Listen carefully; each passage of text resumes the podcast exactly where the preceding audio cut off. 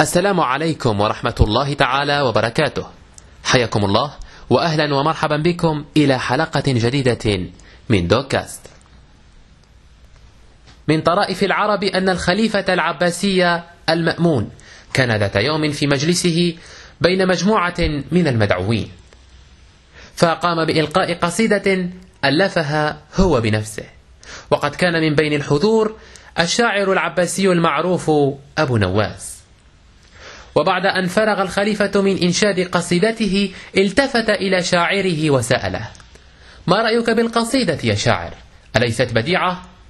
فأجابه أبو نواس لا أشم بها أي رائحة للبلاغة فغضب الخليفة المأمون وأسرها في نفسه أي أنه لم يبح بغضبه وكتمه ولم يقل شيئا لكنه أشار على حاجبه فيما بعد فقال بعد أن أنهض وينهض المدعوون وينفض المجلس احبسوا شاعرنا في الإسطبل مع الخراف والحمير. وهذا طبيعي فقد أهان سيده وأمام الملأ. وهو ما كان فعلا. فقد حبس أبو نواس في الإسطبل مدة شهر كامل. وبعد أن تم الإفراج عنه عاد إلى مجلس المأمون وقد كان هذا الأخير ألف قصيدة ثانية. فبدأ بإنشادها وبينما كان الخليفة العباسي يلقي قصيدته نهض أبو نواس من المجلس وهم بالخروج فلمحه الخليفة العباسي وسأله إلى أين يا شاعر؟ فرد عليه أبو نواس إلى الإسطبل يا مولاي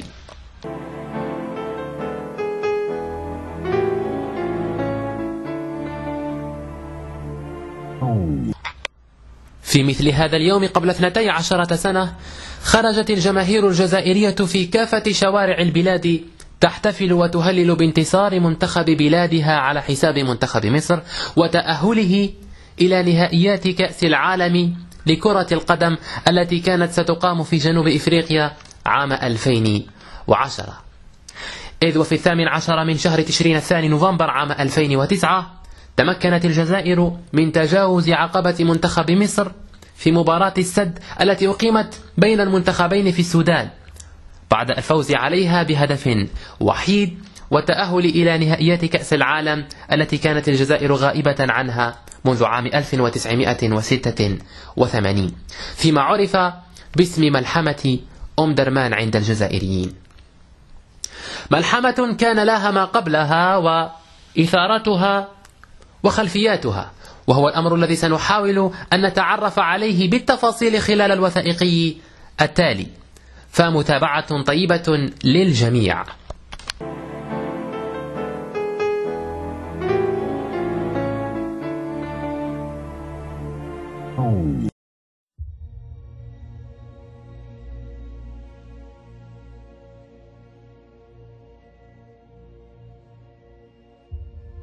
كأس العالم.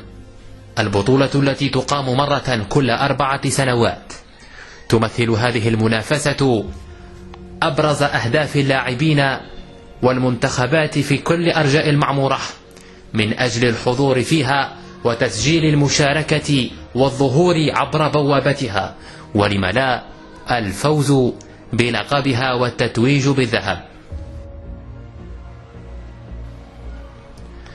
كل المنتخبات في العالم تشارك في التصفيات المؤهلة إلى المونديال بهدف واحد وإن اختلفت مستوياتها وقدرات لاعبيها وإمكاناتهم ونوعياتهم.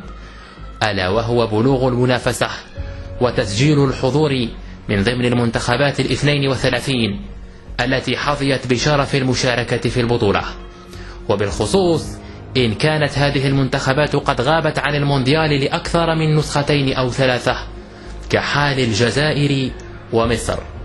المنتخبان اللذان لم يسجلا حضورهما في بطولة كأس العالم منذ نسخة 1986 و 1990 على التوالي. ما جعلهما يرغبان وبشدة في المشاركة هذه المرة خاصة وأن البطولة ستقام في القارة السمراء وتحديدا في جنوب إفريقيا كأول بلد يستقبل منافسة من القارة الإفريقية.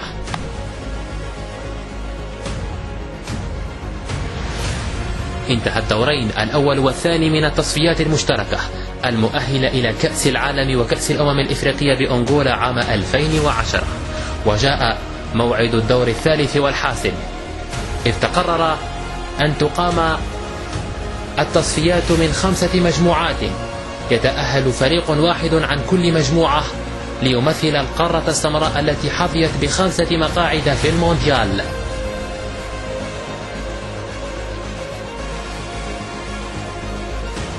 في الثاني والعشرين من أكتوبر عام 2008 أجريت قرعة التصفيات المؤهلة للمونديال. وقد أوقعت قرعة المجموعة الثالثة منتخبي الجزائر ومصر وجها لوجه في مجموعة واحدة. على أن يمر منتخب واحد بينهما. كان العديد من المحللين يرشحون منتخب الفراعنة للمرور خاصة وأنه يتفوق على الجزائر من حيث الخبرة وإمكانيات اللاعبين ناهيك عن أنه بطل إفريقيا في نسختي عام 2006 و2008 لكن بقي الميدان هو الفاصل.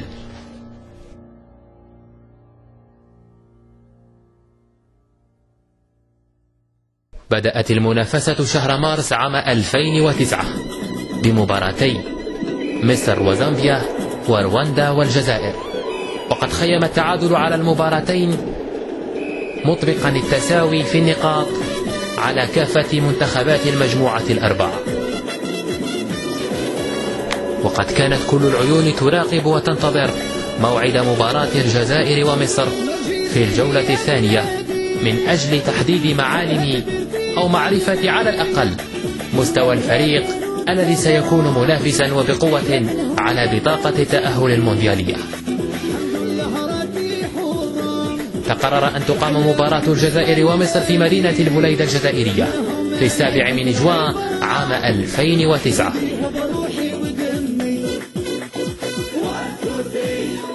وبالفعل جاء ذلك التاريخ وحضر المنتخب المصري إلى الجزائر. ولعبت المباراة. وعلى الرغم من البياض في النتيجة والأداء الذي شهده شوطها الأول إلا أن الشوط الثاني عرف وجها مغايرا تماما. إذ كشر المنتخب الجزائري عن أنيابه وأكد على أنه لن يكون منافسا سهلا بل عنيدا أمام خصمه المرشح وبقوة للعبور. فاستطاع تسجيل ثلاثة أهداف مقابل تلقيه لهدف واحد. ليحسم بذلك القمة وصدارة المجموعة الثالثة مؤقتا. دائما كريم زيادي في هذه الكرة ما فيش حلول كثير أمامه إلى الجهة اليمنى والموجود مطمور مطمور مطمور كريم.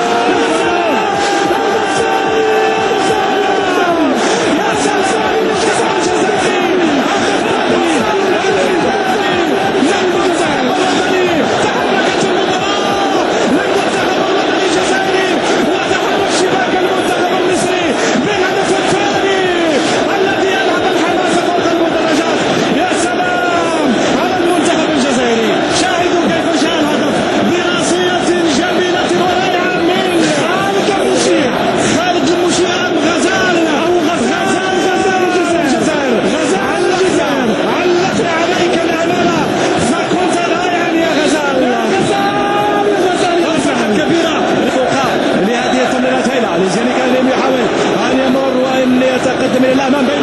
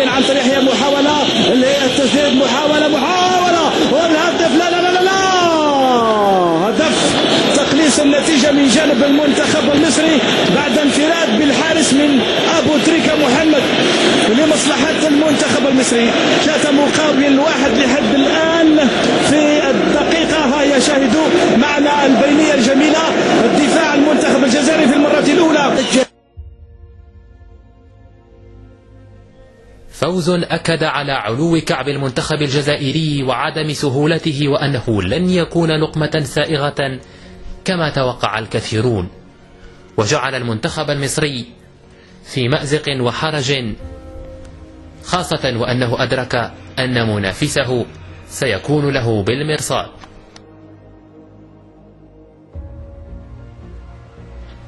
في الجولة الثالثة انتقل المنتخب الجزائري إلى لوزاكا. من أجل مواجهة منتخب زامبيا الذي كان رفقة المنتخبين الجزائري والمصري في ذات المجموعة. وقد كان التخوف واضحا على الجزائرية من منافسهم خاصة وأن المنتخب الجزائري لا يقدم الأداءات المتخيلة في قارة السمراء ناهيك عن صعوبة منافسه خاصة على أرضية ملعب الموت في زامبيا.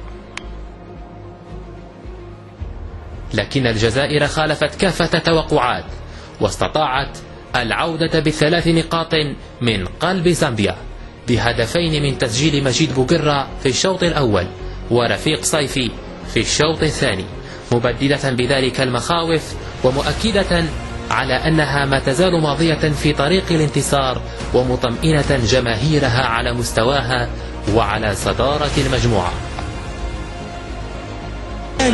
نادي أولمبيك مارسيليا مع المنتخب الجزائري فضل في العمق صعبة ممتازة خطيرة!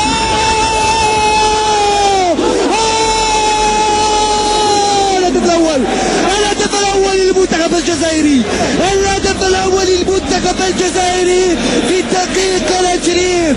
هدف ممتاز. قلت بعد العشرين دقيقة. مرت بسلام مرت بسلام. وبعد ذلك جاءت الجرأة جاءت الكرة الثابتة جاءت قدم زياني. وبعد ذلك جاء الهدف. احلم على حتى مسجل الهدف. لكنه أعتقد بوقرة بوقرة ال magic فعلا أنت magic وأنت رائع وأنت مميز. بعد 20 دقيقة من التسجيل المميز قلت لك شريف باننا سنفوز نشهد حتى الحظ معنا اليوم نادي البدان الذي اخرج الكرة يلعب في جدع التسلل جبار جبار جبار آه! آه! آه! صايدي يسجل الهدف الثاني. رفيق صايدي يسجل الهدف الثاني. يا سلام يا سلام. راية راية راية هذه كرة القدم. قوى وينقذ مرماه. الدفاع ينقذ مرماه. بعد ذلك جبور ينطلق بدون أنانية بروعة بذكاء. صيفي قال لي قال لي في الفندق. أفضل أن ألعب 30 دقيقة وأسجل. بدل أن ألعب مباراة ولا أفعل شيء. من جانب آخر استقبل المنتخب المصري على أرضية استاد القاهرة. منتخب رواندا. وكان كل أمله وعينه على النقاط الثلاث وإبقائها في مصر تحاشيا لابتعاد منافسه الجزائري الفائز في مباراته أمام زامبيا عنه بفارق النقاط وزيادة مأموريته تعقدا.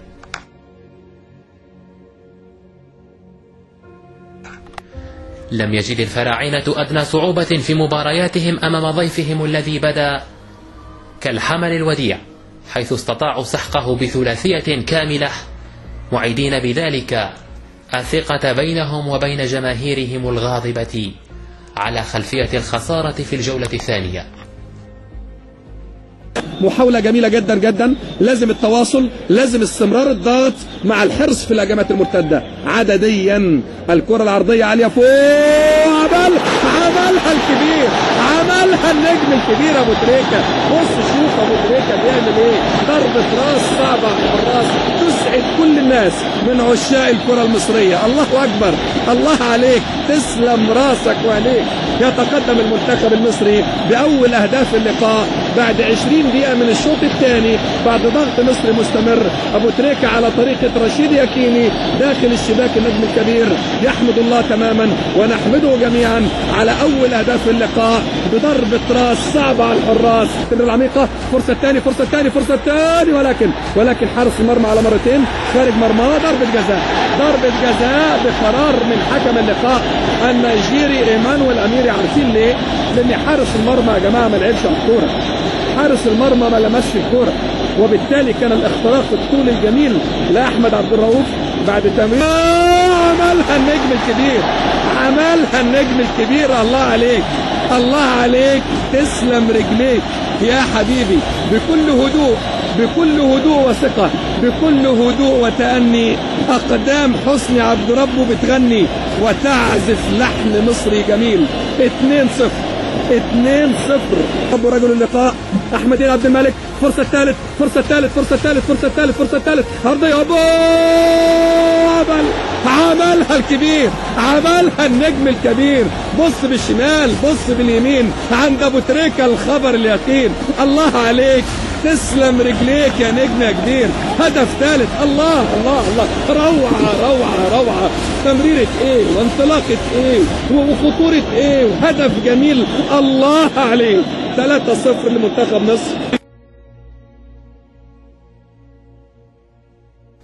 وبذلك انتهت مرحلة الذهاب من التصفيات المؤهلة إلى المونديال متصدرة فيها الجزائر المجموعة الثالثة بسبعة نقاط أما مصر فقد بقيت مطاردة لضيفتها وبفارق ثلاثة نقاط مع صراع محتدم وشديد على بطاقة تأهل.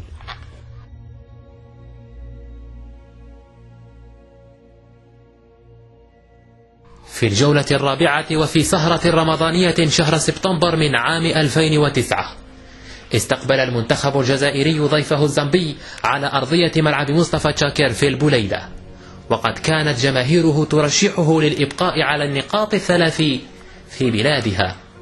وعلى الرغم من الصعوبة البالغة التي وجدها المنتخب الجزائري في الوصول إلى شباك ضيفه واستماتة هذا الأخير ووقوفه ندا للند أمام الخضر إلا أن المنتخب الجزائري استطاع أخيرا فك شفرة دفاع المنتخب الزامبي وتسجيل هدف وحيد عن طريق رفيق صيفي. أمن النقاط الثلاثة للخضر. كرة تمريرة جيدة لكريم مطمور. كريم مطمور يوصل. يوصل يوصل, يوصل.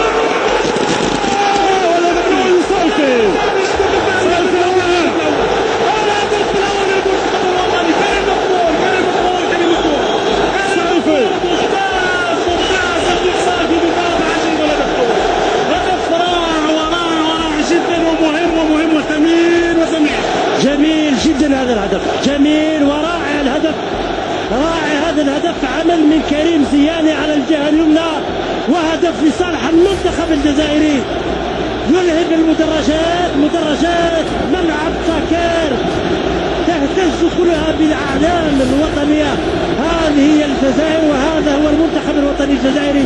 هكذا يريده المنتخب الجزائري يريده أنصاره.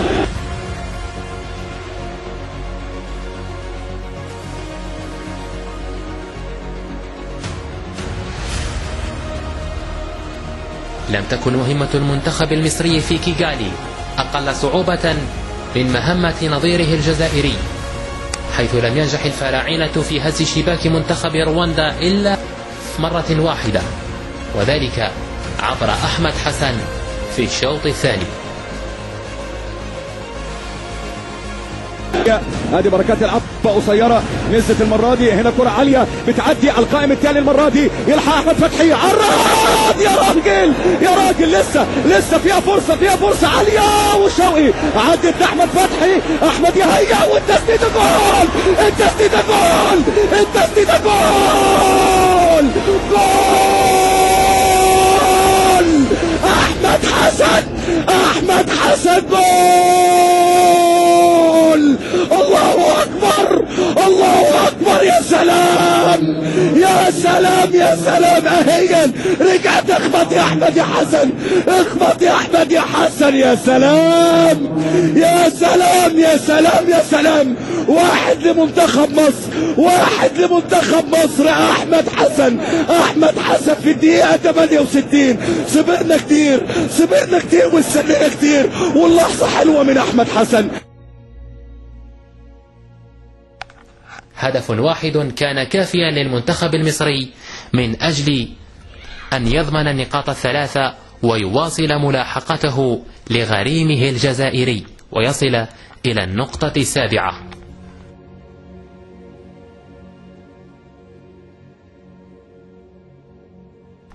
في أكتوبر من عام 2009 ومع اقتراب التصفيات من نهايتها وقرب اتضاح كافة المنتخبات المشاركة في المونديال.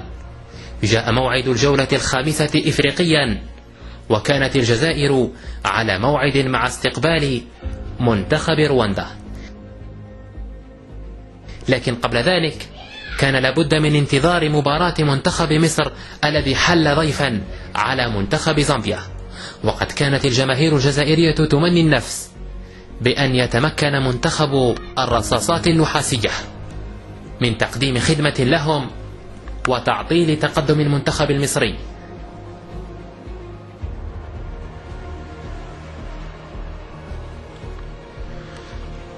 طوال 80 دقيقة عجز الفراعنة عن دك شباك منتخب زامبيا أو الوصول إلى مرماهم بل العكس من ذلك تماما.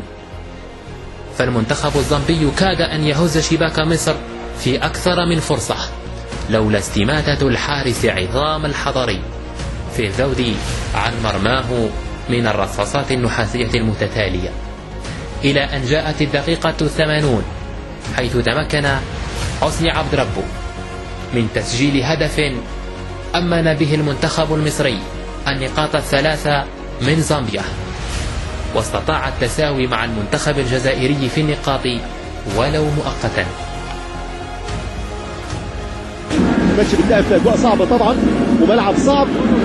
وحرارة قاسية وكبيرة جدا والباصة حلوة المصريه والشخصية المصرية ممكن تظهر بعد عالمي! عالمي! عالمي! عالمي! عالمي! عالمي! حسني عبد ربه! حسني عبد ربه! عبد ربه! عبد ربه! اللي يحبه ربه يجي له حسني عبد ربه! حسني عبد ربه! عبد ربه! عبد ربه! يا ولد! يا ولد! يا ولد! رايحة في عش الدبابير السبي قذيفه إيه؟ نموذج إيه؟ ابن الاسماعيليه النجم الكبير الكبير حسني عبد ربه! يجعل الآن منتخب مصر 1-0 ممتاز ممتاز ممتاز. هي دي الشخصية المصرية. لأن دوام الحال من المحال. فقد تحول الترصد إلى الجهة المقابلة. فقد اجتمعت الجماهير المصرية على شاشات التلفاز متابعة للمنتخب الجزائري. وآملة من منتخب رواندا في أن يستطيع تعطيل تقدم المنتخب الجزائري ولو على أرضية ميدانه. وما زاد من منى هذه الجماهير تسجيل المنتخب الرواندي لهدف مبكر. سمح لهم بالتقدم على الخضر. من خلال هذه الركنية ضربة الزاوية للروانديين خطيرة والرأسية ترجع للدفاع. مسات الإمكانية خطيرة وصعبة. تسديدة وهدف أول. رواندا تفتح باب التسجيل. كيف يهز فريقه هز كيف يشيل فريقه شيل واحد صفر لرواندا شوف الضربة مباغتة جدا من رقم ستة. كرة عكسية. contre-pied للحارس لوناس قواوي. وهدف من اللاعب ما في سانكو موتيتسا شوف الهدف المباغت من الفريق الرواندي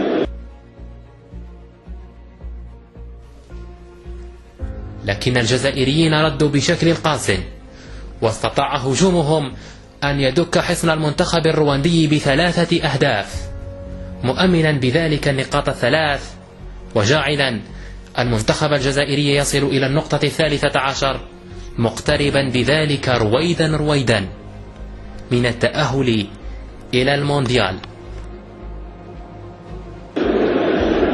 إمكانية التقدم وكرة تمشي طويلة الراسية وعدم التعادل هدف التعادل المنتخب الجزائري. واللي في هناك مباراة يتأثر بالهدف لأنه يبحث ورا سكور ويتعادل بالمباراة. بعد دقيقة يطلع الصيفي لا يضرب الكورة حليش. حليش رفيق يتعادل المنتخب الخضر؟ تمشي كرة من زياني في المقاس يا كريم في المليمتر سنتيمترية يا زياني. ومزيانة من لاعب حليش يتعادل واحد واحد. يوسع كرة خطيرة جدا فرصة كبيرة. وتسلل آخر برفع الراية. هل هو اوفسايد أو لا؟ فيها شك كبير. دقائق. آخر كورة آخر دقيقة. آخر امل من زياني. خطيرة جدا. فرصة كبيرة. فرصة كبيرة. إمكانية والعرضية. والهدف الثاني. الهدف الثاني للخضر الهدف الثاني من رحاش. حضر. شوف الدولة الكبيره لغزال شوف اللعبه الكبيره لغزال سيناريو ملعوب لغزال صيفي ولا أحلى. يتقدم في الحاج ويحط الكره في الشبكة. اثنين الجزائر واحد رواندا. يغير حسابات الجزائر. تمشي الكرة والهدف الثالث. الهدف الثالث من الزيان يضمن انتصار ويضمن الصدارة زيان يتقدم يضرب بقوة في مقتل على جون ليف ثلاثة الألجيري أم ثلاثة واحد للمنتخب الجزائري.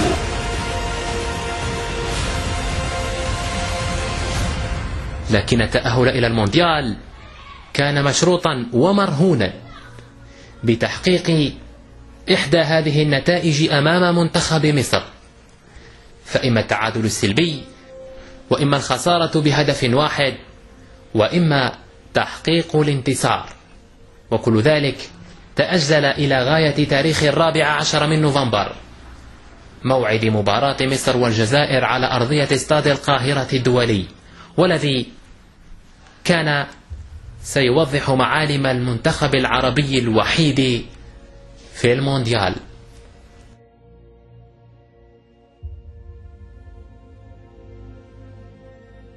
بدأت الأجواء تشحن والمعارك تحتدم وتسخن حتى قبل بداية المباراة.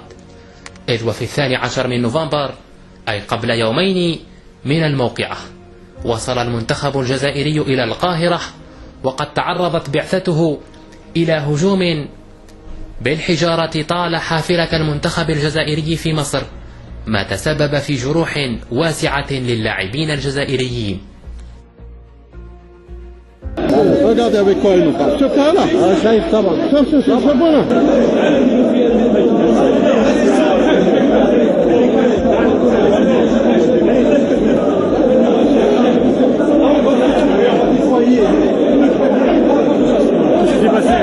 Non, mais attends, carrément. notícia.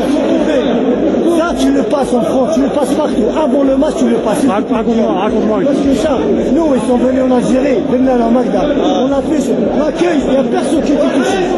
Nous, on est arrivés, ils nous ont passé par un chemin où il n'y a que des supporters. On est passé dedans, fier. On dirait la sécurité, il n'y a pas de On a cinq joueurs déjà blessés. Il y a deux joueurs qui sont ouverts, l'autre c'est sa main, le sien c'est son pied. Moi, je pris un truc dans le dos. Le bus, tu vois pas, il n'y a pas de. On est tous, et après ils te disent, on des frères. Frères, ça c'est des frères, regarde l'accueil. Quel accueil te disent l'Algérie, quel accueil Là en Algérie, on a touché personne. Il n'y a personne qui t'a touché. أمر سبب احتقانا شعبيا بين المنتخبين والبلدين وكاد أن يؤدي إلى أزمة دبلوماسية جاء اليوم الموعود وقد كانت الجزائر ومصر تغليان على صفيح ساخن وكل منهما تأمل في أن تنهي الليلة بسهر وفرح لن ينتهي بنهاية اليوم. في حضور جماهيري قياسي وعلى أرضية استاد القاهرة الدولي جاء موعد المباراة وبدأت ودون أي مقدمات أو إطالة. استطاع المنتخب المصري الدخول مبكرا في أجواء المباراة من خلال هدف سجله عمرو زكي عند الدقيقة الثالثة عبد الظاهر ساخط الله الله الله الله الله الله جول جول جول جول جول جول جول جول جول مس مس مس مس مس مس مس مس مس مس غني غني مص مص الله الله الله الله. على البداية. الله. هذه البداية. يقولوا بالجزائر ما زال ما زال هذه البداية. هذه البداية. هذه البداية. محلاها محلاها محلاها محلاها يا بلدوزر محلاها يا زكي يا عمر يا ابن زكي يا عمر يا ابن زكي. هدف وإن أربك حسابات الجزائريين إلا أنه ظل غير كاف لضمان التأهل إلى المونديال ما لم يدعم بهدف آخر وهو الأمر الذي سعى الجزائريون لمنعه طيلة أطوار المباراة. انتهى الشوط الأول على نتيجة تقدم المنتخب المصري بهدف يتيم. نتيجة كانت ولحد تلك اللحظة. مؤهلة لمحاربي الصحراء إلى المونديال على الرغم من الخسارة. ما جعل المنتخب المصري تحت ضغط رهيب يجبره في الشوط الثاني على تقديم كل ما لديه من أجل ضمان التأهل إلى المونديال وافتكاك بطاقة العبور على أرضه. لم ينجح كلا المنتخبين في هز شباك الآخر حتى الدقيقة التسعين. وكان المنتخب الجزائري قريبا أكثر فأكثر من التأهل خاصة وأن المباراة قد دخلت الوقت بدل الضائع الذي قدره الحكم بستة دقائق. مرت الدقيقة الأولى والثانية والثالثة والرابعة ولا جديد يذكر حتى الآن لكن في الدقيقة الخامسة وقع المحظور. دقيقة ونصف الكرة خطيرة يمر أحمد عيد يرفع الكرة عرضية إيه يا يا يا على خطرة وتلعب مرة ثانية والجول الله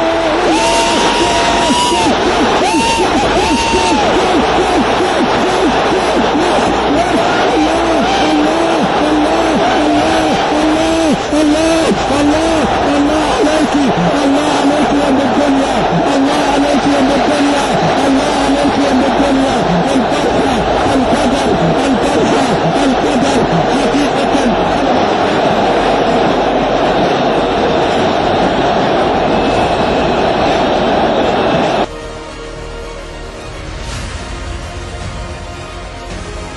إذ استطاع عماد متعب تسجيل هدف ثان لمنتخب مصر.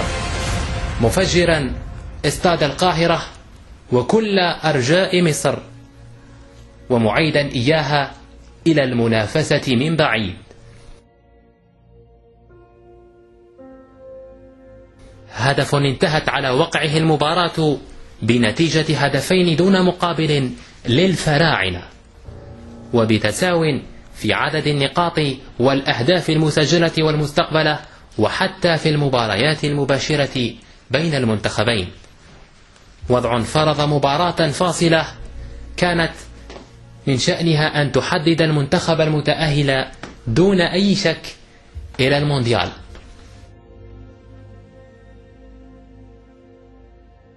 وقع الاختيار على العاصمة السودانية الخرطوم والتي تقرر أن تستضيف المباراة الفاصلة بين الجزائر ومصر في الثامن عشر من نوفمبر عام 2009 وهنا بعثت آمال كل منتخب من جديد وبات المنتخبان متساويين في كل شيء ولا أفضلية لأحدهما في أي نقطة على الآخر.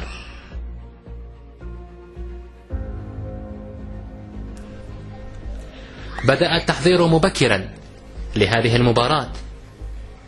إذ بدأت الجماهير المصرية تتوافد على السودان نظرا لقرب المسافة بين البلدين أما الجزائر وبحكم بعدها عن الخرطوم فقد خصصت طائرات عسكرية وسهلت ولدرجة كبيرة.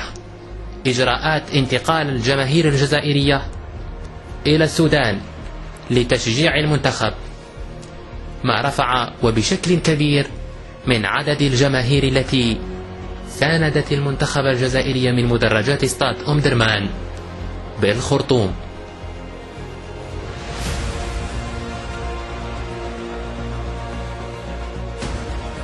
جاء موعد المباراة وبدأت سجالا بين المنتخبين. محاولة من هنا ومحاولة من هناك دون أن تثمر أي واحدة من تلك المحاولات عن هدف. إلى أن جاءت الدقيقة الأربعون. وبتسديدة مدمرة وساحرة استطاع المدافع عنتر يحيى هز شباك الحارس عصام الحضري وإعطاء التقدم للمنتخب الجزائري في المباراة وهو التقدم الذي انتهى على وقعه الشوط الأول. حسن يبدأ والصراع مباشرة لميجلي ترجع لكريم زياني يرفع من هناك. هيلا من كريم زياني. صعبة. هيلا ممتازة ولا لا يا بابا يا بابا. الله الله الله الله. جول جول. الله أكبر. وأي هدف يا سلام على عنتر يحيى أجمل هدف في العالم. هذا هو أجمل هدف في العالم.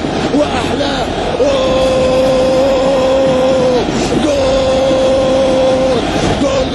جول جول جول جول جول جول جول يا سلام أوه. يا سلام على هذا الهدف هذا هو اللي يعطيكم القوة هذا هو اللي يعطيكم الإرادة أوه يا بابا بابا بابا با بابا بابا بابا بابا با بابا بابا بابا من أين لك كل هذا يا عنتر من أين لك كل هذا يا عنتر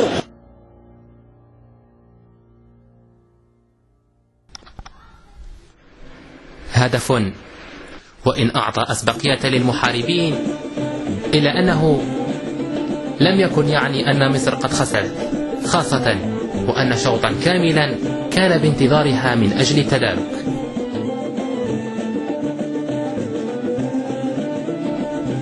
بدأ الشوط الثاني وبدأت معه محاولات المصريين المتعددة للعودة في المباراة غير أن تلك المحاولات اصطدمت بسد منيع هو الحارس فوزي شوشي والذي منع كافة المساعي المصرية لتعديل النتيجة أو العودة في المباراة.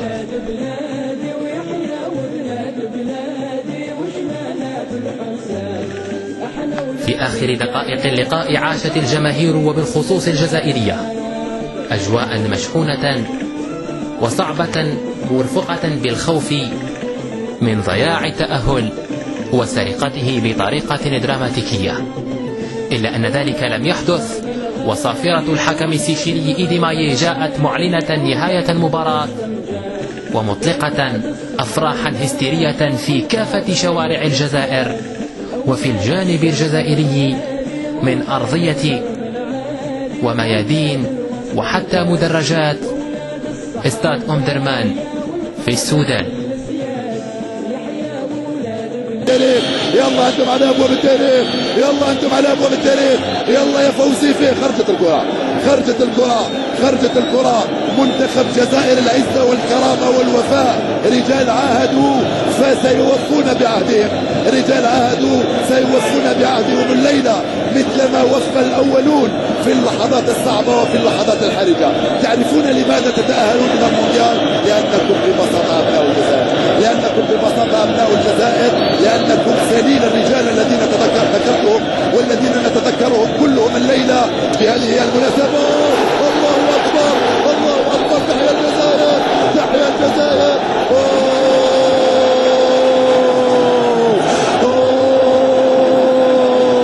الجزائر في المونديال! شكرا يا زوجي! الجزائر في المونديال! للمرة الثالثة في التاريخ!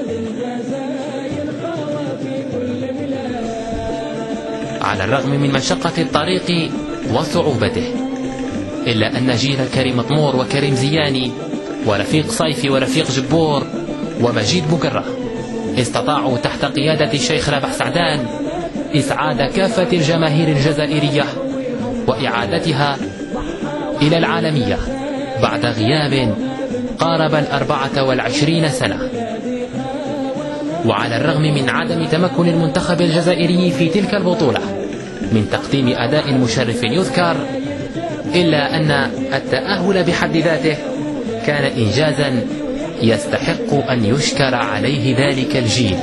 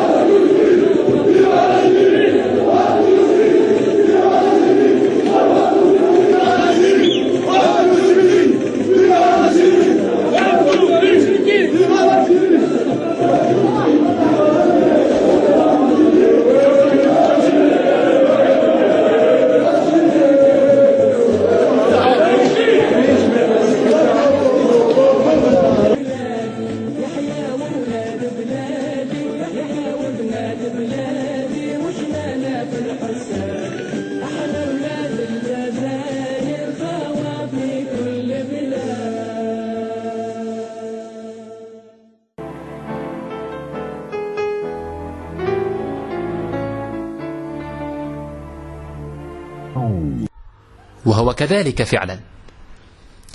لم تنم الجزائر طيلة تلك الليلة بل طيلة تلك الأيام الموالية لذلك الانتصار. وقد استقبل المنتخب الجزائري بالأفراح والورود والزغاريد على أرضية مطار الجزائر الدولي مرفوقا بالأعلام الوطنية وبالجماهير التي أتت من كل حدب وصوب مهللة وفرحة بنصر منتخب بلدها خاصة وأنه قد جاء عقب استفزازات رهيبة عاشها الجزائريون من لدن الأشقاء المصريين خاصة في القاهرة وحادثة الاعتداء على الجزائريين. ولو أن الجزائريين هم بدورهم كذلك لم يقصروا.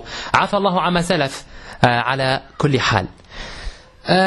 على سبيل التذكير والعلم لمن لا يعلم. فقد تأهلت الجزائر في تلك النسخة إلى نهائيات كأس العالم وخرجت بنقطة واحدة بعد أن أوقعتها القرعة أمام كل من سلوفينيا و انجلترا والولايات المتحدة الأمريكية.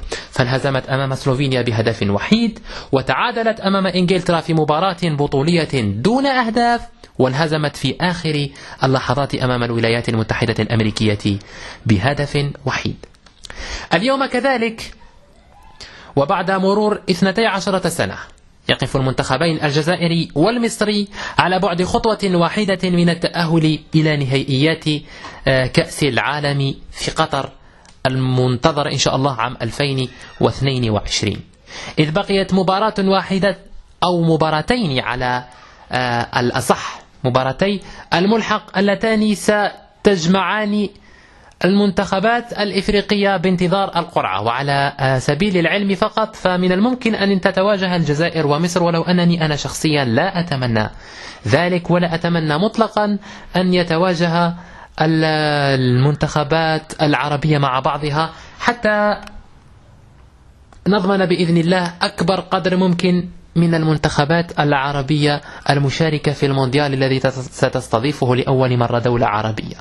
وهذا طبعا راجع لقوة المنتخبات العربية في السنوات الأخيرة. فالمغرب طبعا تأهلت بثمانية عشرة نقطة وهي تقدم أداء رائعا. الجزائر حدث ولا حرج وهي بطلة إفريقيا وصاحبة اللاعبين الأفضل من ناحية الجودة وحتى اللعب الجماعي مصر كذلك منذ مدة تحسن أداؤها وباتت تقدم أداءات رائعة. وتونس رفقة المدرب منظر الكبير كذلك صارت منتخبا يهابه الجميع. فبالتوفيق لكافة المنتخبات العربية في التصفيات المؤهلة إلى المونديال. وإن شاء الله سنرى مستويات مشرفة وحضورا عربيا يرفع الرأس في قطر بعد عام بحول الله.